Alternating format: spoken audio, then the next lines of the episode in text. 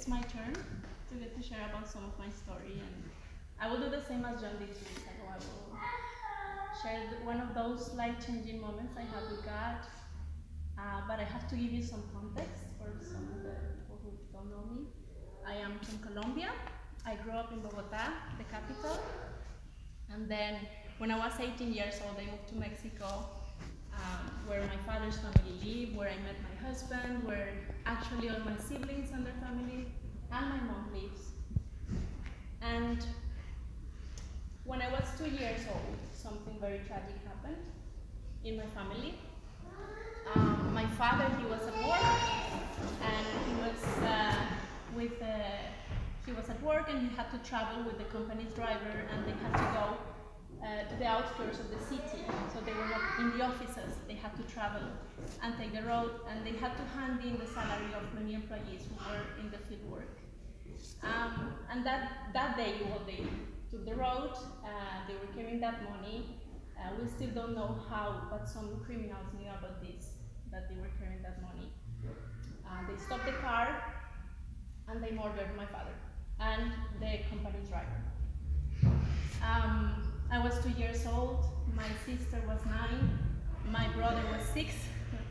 My mom didn't have a profession or anything. And you know, in Colombia, it's not like here that government or the company takes care of, of things like, yeah, to support you in any need. So my mom had to sort it out by herself. And it was a tragedy, of course. My mom didn't think it twice to run to God. She put roots down on a church, cried out for help. She had to work a lot, but she became a woman of prayer. Um, I remember, if you ask me about my childhood, I remember going to church every Sunday. Um, it's crazy, but I have very good memories of my childhood. And I say it's crazy because after such a tragedy, you cannot think that. But I have very good memories, and I, re- I remember going to church every Sunday and going to missionary trips even. And I remember when I was 10 years old, I would go to the streets and preach the word of God. And um, I was really in fire uh, for God. And, and then I became a teenager, and you know how that is. I turned away from God when I was 16, and I didn't anything to do with didn't want anything to do with church or God-related things. And then when I was 18, we moved to Mexico, where part of my family, uh, uh, family, my father's family lived. And, and it was there when I was stripped away of my friends and my culture and all the all my familiar all familiar things I have. It was there where I didn't have any other choice than to meet God again. And I was avoiding that moment for so long. And I remember during that time when we just moved from uh, Colombia to Mexico that my mom asked me to, to do a Bible study. And I was very reluctant, and I remember it was the Kings of the Old Testament or something like that, very random topic. but I, anyway, did that study, and I was alone in my bedroom. I was praying, reading the Bible, and then the miracle happened God's love. I just could feel God's love in such a deep way that I couldn't. Yeah, it, it was so amazing. It was, it was such a love that was just washing away all the wounds.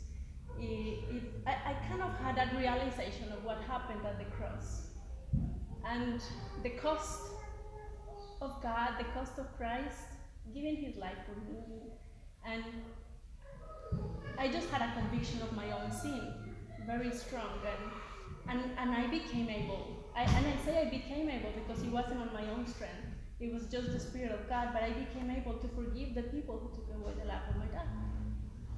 I became able to do it. And deep down on my heart, I could, yeah, willingly forgiving them. Hmm. Of course, I felt a, a relief, and it wasn't like a one day thing, it was a process, of course. And during that time of healing, um, I understood that I was angry with God. I was angry, I had so many questions why me? And I was scared that the God of goodness I was preaching wasn't real. And I think that's something that I I kind of believed that lie since this happened. I was only two years old, but I think there was a lie, a big lie that started to increase and, and, and grow and grow and grow until there was a big wall, a big wall in between God and I. And there were lies because uh, He is good.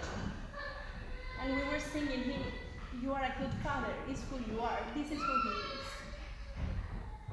And I could really, from, because of the Spirit of he, he could really open up my eyes and, and, and, and realize that that was a big lie. Thinking that he was the one who brought that to me. And God came with his overwhelming love, and as the word says, He cast out all my fears.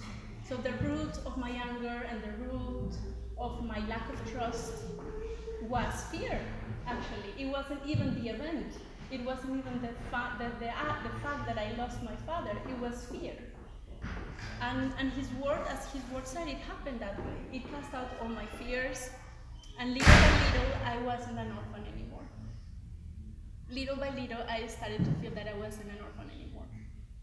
And you know, I was like that parable of the lost son, that he was on his way to the father, and he was he was like preparing his repentance speech to the father, and and what was the father saying or doing? I'm gonna read to you a small passage of I know you all know that parable, but it says, But the father wasn't listening. He was calling to the servants, Quick, bring a clean set of clothes and dress him. Put the family ring on his finger and sandals on his feet. Then get a, a grain fed heifer and roast it. We are going to feast. We're going to have a wonderful time. My son is here, giving up for dead and now alive, giving up for lost and now found. And they have a and, and they began to have a wonderful time.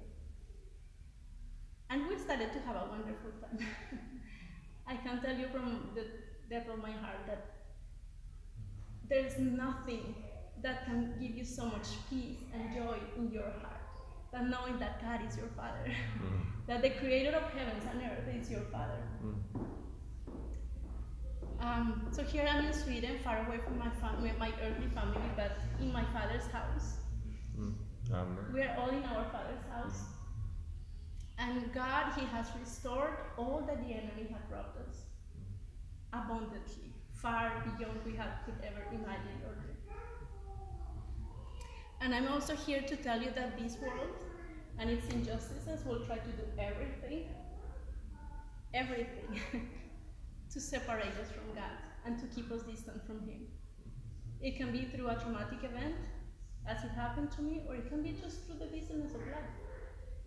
But He's there with His arms open. And the truth is that nothing, absolutely nothing, can separate us from His love. That it is just the truth.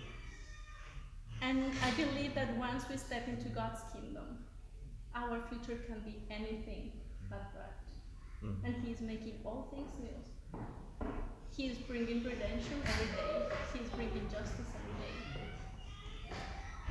So, even though the thief comes to kill and destroy and steal, Jesus Christ came to bring life. And He came so that we might have life and life in abundance and this is the truth we have to do. That's it. So let's let's pray. Mm.